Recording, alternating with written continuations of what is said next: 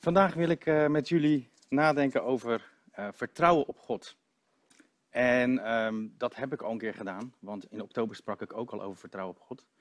En daarvoor, uh, in februari, sprak ik ook al over vertrouwen op God. En nu heb ik het weer op mijn hart. Dus het lijkt wel op of de Heer ons uitdaagt om daar met elkaar in te gaan groeien.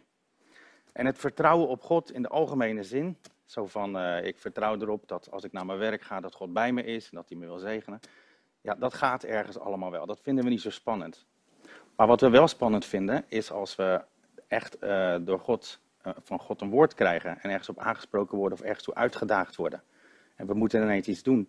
Niet dat God dat misschien elke dag doet, maar om de zoveel tijd, ja, dan, dan ben je aan het Bijbel lezen en dan ligt er een tekst op en denk je, nou, ik heb echt het idee dat God echt iets aan mij vraagt nu. Of als je aan het bidden bent, dat je in één keer een indruk krijgt dat je denkt van, God vraagt mij nu echt iets. En dat vinden we spannend. En het is goed om daar met elkaar bij stil te staan. Ik ga een korte inleiding geven, dan noem ik twee Bijbelgedeelten waar mensen een opdracht krijgen van God, die ze dan uit moeten voeren, hoe spannend het ook is. En dan nog een paar, opdracht, of een paar voorbeelden van vandaag de dag. En dan heb ik een mooie uitdaging voor jullie. Dus blijf kijken. Goed, um, als we het hebben over vertrouwen op God, is denk ik heel belangrijk om eerst te beseffen dat wanneer God iets aan je vraagt, dat dat nooit een wet is. Er staan in de Bijbel heel veel wetten, maar je kunt eigenlijk die wetten meer zien als tips voor het leven. God wil niet dat we onder de wet leven, God wil dat we vanuit ons hart, vanuit verlangen leven. En als God dan zoiets tegen je zegt, iets wat uit de Bijbel oplicht, of als je aan het bidden bent en je hoort iets van God, dan is dat eigenlijk zijn hart naar jouw hart. En jij mag er vanuit verlangen en vanuit vooruitzicht, vanuit plezier op reageren. Dus van binnenuit als ik zo nadenk over uh, wat het betekent om te vertrouwen op God, dan kijk ik vaak naar uh, de schepping uh, of naar de laatste twee hoofdstukken van de Bijbel. Want daar was alles nog goed of daar zal straks alles goed zijn. En als je kijkt naar Adam en Eva, hoe zij met God omgingen, of als je kijkt naar hoe het straks zal zijn, in Openbaring 21 en 22 staat er wat over geschreven, dan zie je dat die verbondenheid met God heel intens is eigenlijk, volkomen verbonden. Zoals wij nog wel eens gewend zijn om ons eigen leven op eigen inzicht te leven en zo nu dan als het moeilijk gaat eh, naar God uit te roepen, uh, zie je eigenlijk in de schepping en ook straks op de nieuwe aarde dat die verbondenheid met God volkomen is. Je ziet daar heel duidelijk dat het natuurlijke en het bovenlijk natuurlijke bij elkaar horen. En voortdurend.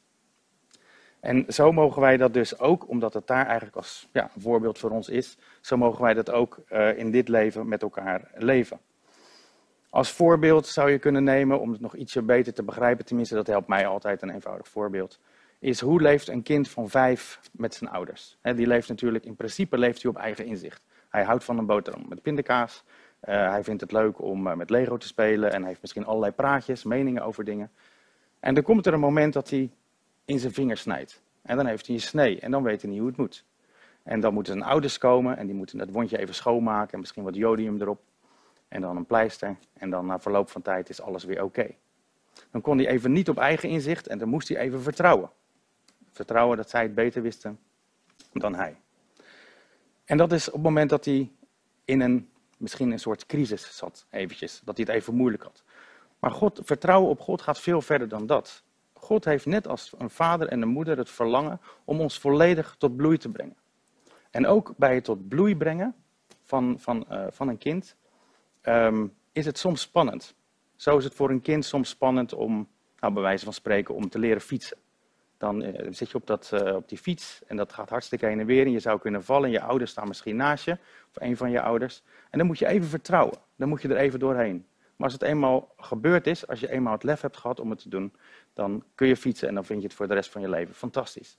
En zo ook met zwemmen en misschien met studiekeuze enzovoort. Er zijn eigenlijk heel veel momenten in het leven waarbij ouders even nodig zijn um, om jou te helpen verder in bloei te komen.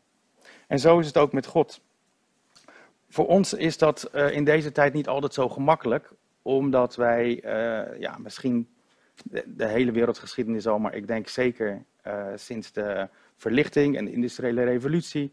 er is zoveel in de wetenschap waar we op kunnen vertrouwen dat we van heel veel dingen eigenlijk denken van we hebben God niet meer nodig. En ik denk eigenlijk dat dat um, alleen nog maar toeneemt als je kijkt naar wat er gebeurt op het gebied van kunstmatige intelligentie bijvoorbeeld. Er komt straks een moment dat we het idee hebben dat we werkelijk alles zelf kunnen oplossen. En dat is niet het geval. En daarom schrijft um, Salomo een mooie tekst. Uh, misschien kennen we hem wel. Spreuken uh, eh, 3 vers 5. Er staat, uh, vertrouw op de Heer met je hele hart en niet op je eigen inzicht. Vertrouw op de Heer met je hele hart en niet op je eigen inzicht. En dat moeten we ons hele leven vasthouden. Heel belangrijk. Um, nou vind ik het ook mooi om even twee teksten te noemen uh, waarin God heel duidelijk zegt dat hij verlangt dat we bloeien en tot wasdom komen. Zo staat er in Psalm 35, vers 27, uh, eh, dat God er plezier in heeft als zijn dienaar in voorspoed leeft. In het Engels staat er, God has pleasure in the prosperity of his servant. In de NBV staat het iets anders, daar staat, God heeft plezier in, in de vrede van zijn dienaar. Maar dat komt omdat het oorspronkelijke woord shalom is. En dat is niet alleen vrede, dat is ook gezondheid en dat is ook voorspoed. God heeft plezier in de voorspoed van zijn dienaren. Ik had Johannes uh, eh, 10 vers 10 genoemd en Psalm 35 waar staat dat uh, God echt het verlangen heeft dat wij uh, tot wasdom komen of tot bloei komen. En net als met dat kind van vijf waar ik het net over had, wil God ons niet alleen helpen op het moment dat wij in een crisissituatie zitten, maar hij wil ons tot wasdom brengen. En ook daar komt hij met opdrachten, met vragen aan ons die we spannend vinden, waar we het lef moeten hebben om naar hem te luisteren. Uh, en dan zullen we zien dat we veel meer tot wasdom komen dan zonder hem. En als we dit doen, als we misschien wel eens wat van God horen, iets wat we mogen doen, dan is het denk ik heel belangrijk om te beseffen dat we dat ook heel vaak met elkaar doen. Dus uh, met je huisgroep, met je triade of met andere mensen in de gemeente. Dat je bidt en zoekt met elkaar van, heeft het God, God dit echt gezegd? En dat je dan elkaar voor elkaar bidt en elkaar uh, bemoedigt om dat te doen, ook wat God van je vraagt. Ik wil twee Bijbelgedeelten lezen, um, waarbij twee mannen, Jozua en Petrus, allebei een opdracht krijgen van de Heer, die niet gemakkelijk is, waar ze echt eventjes doorheen moeten. Dus uh, eerst uh, het risico en daarna een wonder.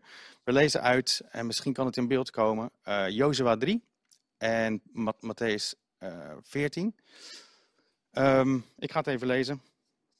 Ik heb, het is een lang en mooi verhaal natuurlijk van Jozua. Jozua die staat met het volk voor het beloofde land. Ze zijn onder leiding van Mozes uit Egypte um, gevlucht, zeg maar, gekomen. En ze zijn door de woestijn gegaan en nu staan ze voor het beloofde land. Dat is voor Jozua niet zo gemakkelijk. Mozes had natuurlijk alle aanzien, er waren heel veel wonderen. Jozua had dat nog, nog niet gedaan. Hij was net, had net de leiding overgenomen en had nog niet zo'n aanzien.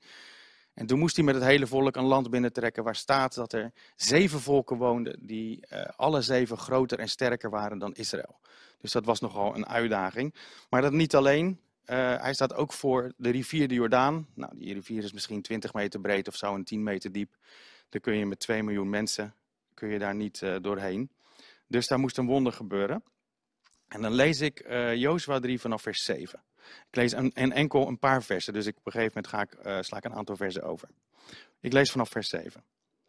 De Heere zei tegen Jozua, vandaag zal ik ervoor zorgen dat je bij alle Israëlieten hoog in aanzien komt te staan. Zodat ze weten dat ik je bij zal staan, zoals ik Mozes heb bijgestaan. Zeg tegen de priesters die de ark van het verbond dragen, dat ze, zodra ze bij de oever van de Jordaan zijn gekomen, in het water moeten blijven staan. En dan ga ik door naar vers 14. Toen het volk het kamp had opgebroken om de Jordaan over te trekken, gingen de priesters die de ark van het verbond droegen voor het volk uit. Zodra de priesters bij de Jordaan waren gekomen en hun voeten door het water werden omspoeld, de Jordaan stond de hele oogsttijd buiten de oevers, kwam het water tot stilstand en vormde het een dam.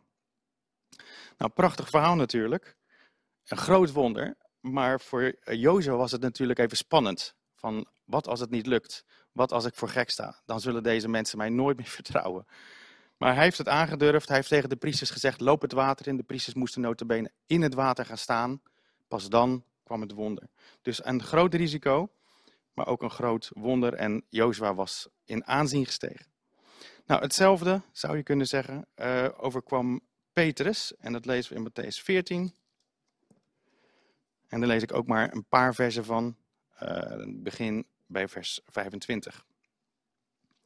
Tegen het einde van de nacht kwam hij. Oh, ik moet even vertellen. ze hebben net de wonderbare spijziging gehad. Uh, er zijn 10.000 mensen voorzien van vijf broden en twee vissen die Jezus gebroken heeft. Het is avond geworden. De mensen gingen allemaal naar huis. En Jezus zegt tegen de discipelen: Ga vast voor mij uit in de boot naar de overkant van het meer. Dan kom ik er straks kom ik achter jullie aan. En uh, op het moment dat de discipelen het meer opgaan, dan begint het te stormen, te waaien. het is nacht. ze komen niet vooruit. En ze zijn eigenlijk in paniek. En dan staat er dit vanaf vers 15. 25, neem me niet kwalijk. Tegen het einde van de nacht kwam hij, dat is Jezus, naar hen toe, lopend over het meer. Toen de leerlingen hem op het meer zagen lopen, raakten ze in paniek. Ze riepen een spook en schreeuwden het uit van angst. Meteen kwam Jezus aan. Meteen sprak Jezus hen aan: Blijf kalm, ik ben het, wees niet bang. Petrus antwoordde: Heer, als u het bent, Zeg me dan dat ik over het water naar u toe moet komen. En hij zei, kom. Peter stapte uit de boot en liep over het water naar Jezus toe. Wat een vent, hè? Die Petrus. Ja, ik heb er wel bewondering voor. Hij doet het toch maar. Midden in de nacht, in de storm, op dat water gaan staan. Maar net als bij Jozua zie je dat hij een groot risico moest nemen en daarna een geweldig wonder ervaren. En ook hij kwam natuurlijk bij de discipelen uh, steeg hij in aanzien, net als Jozua. Uh, ook als Petrus later de gemeente, de christelijke gemeenten, uh, moest leiden, was hij toch maar degene die met Jezus op het water had gelopen. Dus zeker de moeite waard om naar Jezus te luisteren. Dat is dan ook de titel van deze overdenking, als je het nog niet begrepen had. Doen wat Jezus zegt. Heb je het lef om te doen wat Jezus zegt? Um, nou ja, goed, dit zijn mooie verhalen, maar ja, dit zijn ook verhalen die staan in de Bijbel. En die zijn heel lang geleden gebeurd en dat is allemaal soms ver bij ons vandaan. Um, daarom wil ik drie korte voorbeeldjes noemen en dan gaan we afsluiten. Uh, over momenten dat God iets tegen iemand zegt en die persoon moet dan het lef hebben om dat ook te gaan doen. Voorbeelden van vandaag. Het eerste voorbeeld is van mezelf. Um, ik uh, zat op een gegeven moment in de trein en um, ik, ik zat te denken dat ik uh, eigenlijk als christen niet zoveel evangeliseer. Dat is de grote opdracht hè? Die we mogen, wat we mogen doen. En ik vond me daar eigenlijk niet zo'n held in. En ik had eigenlijk, ik heb best wel vaak uh, wel geprobeerd, maar ik vond het resultaat niet zo bijzonder. En ik had op een gegeven moment gevraagd aan God, wilt u mij helpen, wilt u mij erin zegenen, wilt u tot mij spreken? En ik zat in de trein en er zat een meisje naast me, een meter of drie zat ze van me vandaan, een studente van jaar of 25. En ik vroeg eigenlijk zo stil in gebed, Heere God, uh, is het misschien een goed idee om haar het evangelie te brengen? En uh, nou ja, goed, voordat ik verder kon praten, toen gaf God direct een plaatje.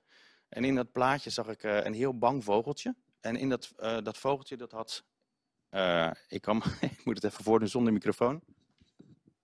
Twee um, sterke handen om het vogeltje heen, beschermend. Um, en ja, vol liefde en bescherming eigenlijk voor dat vogeltje. En ik dacht eigenlijk, wat een mooi beeld voor haar. Die zit misschien in de stress ergens over en dat zou heel goed voor haar zijn.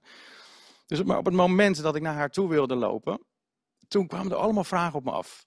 Um, is dit wel echt een beeld van God? Nou, het was een haarscherp beeld, dat was echt wel van God. Uh, toen dacht ik, wat, alle, wat zullen de mensen allemaal hier denken als ik zomaar in de trein naar iemand toe loop en met haar begin te praten? Ook een beetje onzin, want er was eigenlijk niemand. Dan alleen zij en ik. Uh, vervolgens uh, dacht ik van, wat zou zij wel niet denken? Hè? Dan komt iemand naar je toe en die wil een praatje met je maken. En die heeft misschien wat van God gehoord. Dan denkt ze, ja, deze beste vriendelijke man die hoort stemmen. Dus zo uh, waren er nogal wat gedachten die bij me binnenkwamen. En ik kon, dat niet goed, kon er niet goed uitkomen. En gelukkig kwam de trein aan bij het perron, waar ik, het station waar ik eruit moest. En ik ben eruit gegaan en toen dacht ik buiten... Mensen, wat een held ben ik zeg. Nou werkt God mee, nou spreekt God tot mij. Hij geeft me een opdracht en ik voer hem gewoon niet uit. En daar baalde ik natuurlijk van, want deze studenten had natuurlijk nou ja, best wel open kunnen staan voor mijn praatje als je, het, als je haar goed had benaderd. Uh, uh, ze had misschien gezegend geweest, misschien had ze zelf tot geloof gekomen. Uh, maar goed, dat zat er dus allemaal niet meer in. Ik stond ondertussen buiten. Gelukkig is God genadig en hij gaf me een paar maanden later een uh, herkansing. Um, een vriend van mij die stuurde me een berichtje of ik zin had om mee te gaan evangeliseren in de stad. En ik ging daarover in gebed, want ik moet zeggen, ik heb best wel wat geëvangeliseerd, maar ik heb weinig resultaat. En heel veel mensen zijn eigenlijk niet zo heel erg geïnteresseerd. En die kijk je soms een beetje aan alsof je alsof je ze ziet vliegen, zeg maar. Ehm, en vervolgens ehm, heb ik dat uh, gebeden. Toen zag ik weer een plaatje. En in dat plaatje zag ik uh, een trimschoen, een sneaker van Nike met uh, luchtvering. En ik had het idee van, nou, ik denk wel dat de Heer hiermee aangeeft dat het goed is om te gaan evangeliseren. Er staat in Efeze 6 ook een stukje over, dat heet de wapenrusting. En daar staat ook dat schoenen uh, eigenlijk staan voor de bereidwilligheid om het evangelie te brengen. Dus ik dacht, nou, ik ga het maar doen. Dus toen ben ik de stad ingegaan. Um, een, aantal zaterdagen later ben ik met die vriend en een aantal mensen de stad ingegaan. En wat mensen aangesproken. En op een gegeven moment sprak ik met een jongen van jaar of 25. Uh, hij had een zwarte pet op. En op die pet stond heel groot Nike. Ik denk, nou, dat is in ieder geval toevallig. En uh, ik heb een goed gesprek met hem gehad. En uh, we hebben samen kunnen bidden. En hij is um, die middag tot geloof gekomen. Dus dat was uh, voor mij heel erg leuk. Eventjes door dat koude water heen. Eventjes door dat risico heen. En vervolgens toch een mooi wonder mee mogen maken. Bijzonder om te zien hoe God het eigenlijk ook allemaal voorbereidt. En hoe wij met hem meewerken.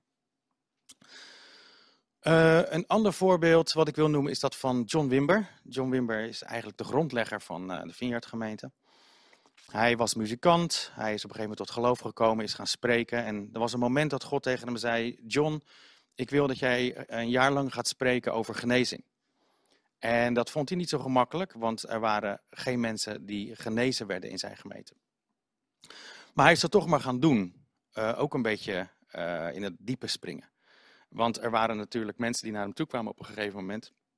Met de vraag van, joh, we hebben de vorige week en de week daarvoor ook al over genezing gehad. Moeten we het nu weer over hebben? En daarnaast er kwamen allerlei mensen na de preek voor bediening. Die kregen dan gebed als ze ziek waren en daar werd nooit iemand genezen. Dus degenen die ziek waren, die wisten van nou, ik ga naar voren, maar ik ga ook ziek weer terug. En degenen die voor de anderen baden, die wisten ook, we bidden wel, maar er gebeurt niks. Dus dat is, dat is best wel lef hebben om naar Jezus te blijven luisteren, te doen wat Jezus zegt. En dat te vertrouwen en dan ja, daar gehoorzaam in te zijn. Maar hij is het gewoon blijven doen, een jaar lang, elke week. En na negen maanden, toen brak het door. Toen was er op een gegeven moment één iemand die is genezen. En daarna zijn er heel veel genezen. Nou, en John Wimber heeft een enorme bediening daaruit gekregen. En de Vineyard geweest is, op die manier ook weer uh, een zegen geweest voor heel veel mensen. Dus ook daar zie je weer risico uh, als je naar Jezus luistert, maar ook een wonder, ook echt een zegen, een mooi resultaat als je echt het lef hebt om voor hem te kiezen. Uh, het derde voorbeeld uh, wat ik wil noemen is van Harold Hill. Dat is uit het boekje Leven als een koningskind. Ik heb er al wat eerder over gezegd. En Harold Hill was een zakenman en hij was op een gegeven moment verslaafd aan drank en het liep helemaal niet goed. En hij is tot geloof gekomen. En hij was heel enthousiast en op een gegeven moment was hij aan het bidden. En toen zei hij tegen God van, Heere God, het is zo bijzonder. Alles wat hierin staat, in dit boek, dat is waar. En alles werkt. En ik ga ook echt alles uitproberen. Zo enthousiast was hij. En terwijl hij aan het bidden was, toen zei Jezus tegen hem, ik wil dat je 10% van je inkomen, je eerste 10% aan mij geeft. En dat vond hij helemaal niet tof om te horen. Want hij zei, ja, ik heb al heel veel belasting te betalen. Dan heb ik veel vaste lasten en ik hou daarnaast helemaal niet zoveel over. Dus ik heb dat eigenlijk helemaal niet. Dus hij deed dat in, het eerste, in de eerste plaats niet, maar hij werd er toch een beetje onrustig van. Op een gegeven moment is hij dat gaan doen. Nou, misschien even een zijstraatje. Het, het, uh, de theologie over moet je je 10% geven, moeten we hier even buiten laten. Maar hij hoorde dit van God. En eventjes uh, voor zijn uh, persoonlijke situatie. Maar goed, hij dat dus gaan doen. En het duurde niet lang of zijn baas kwam naar hem toe en die zei Harold, uh, ik heb een bonus voor je. En dat was zo'n grote bonus dat al het geld wat hij eigenlijk extra aan God had gegeven, direct al terugkreeg. En een aantal jaar daarna had hij, was hij financieel zo voorspoedig geworden dat hij zijn hele hypotheek heeft af kunnen betalen. Het is natuurlijk heerlijk om hypotheekvrij te leven. Dus um, ook hij moest een risico nemen. En ook hij uh, heeft een wonder meegemaakt, heeft gezien dat God daar echt in wil zegenen. En ik vind het leuk om dit voorbeeld te noemen, dit derde voorbeeld, omdat het zo lekker alledaags is. Dat zijn geldzaken, daar hebben we allemaal mee te maken. Zoals John Wimber of evangeliseren of bidden voor de zieken. Dat zijn allemaal dingen die doen we in de kerk. Natuurlijk doen we dat ook in ons dagelijks leven. Maar gewone normale dingen. Uh, daar wil God je in uitdagen. Hij wil je tot bloei brengen. En daar komt mijn call to action ook voor jullie vandaag. Um, misschien is er iets uh, in je leven, een onderdeel van je leven waar je denkt, daar zou ik wel meer tot bloei willen komen. Misschien is het uh, op je werk, Misschien is het in je huwelijk, misschien is het in je studie, misschien heb je ideeën wat, te doen in deze coronatijd en heb je het lef niet. Ik wil jullie uitdagen om daarover in gebed te gaan en uh, God te vragen, eigenlijk een beetje zoals Petrus het aan Jezus vroeg, van vraag, hè, mag ik het water opkomen? Vraag aan Jezus of hij je uit wil dagen. Want hij zal je een, een, een woord geven wat misschien spannend is, maar waar een enorme zegen aan zit verbonden.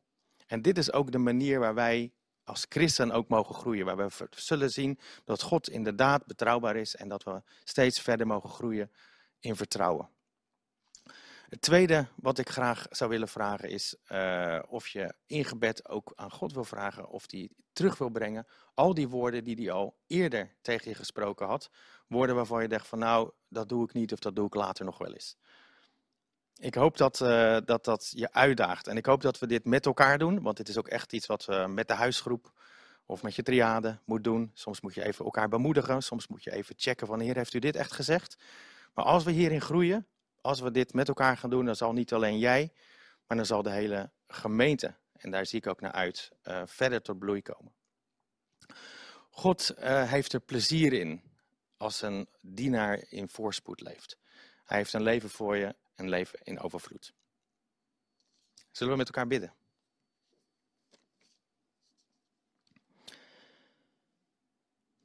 Almachtige Vader, we danken u dat we samen met u mogen leven.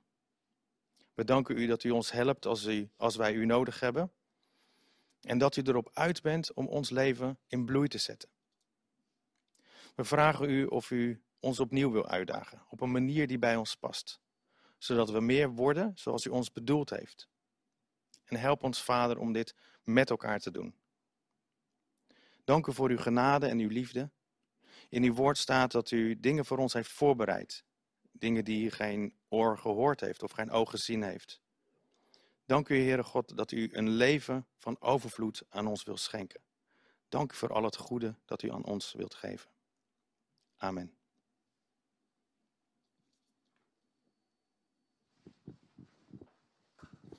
Goed, we gaan zo nog een uh, slotlied uh, zingen. Dus als het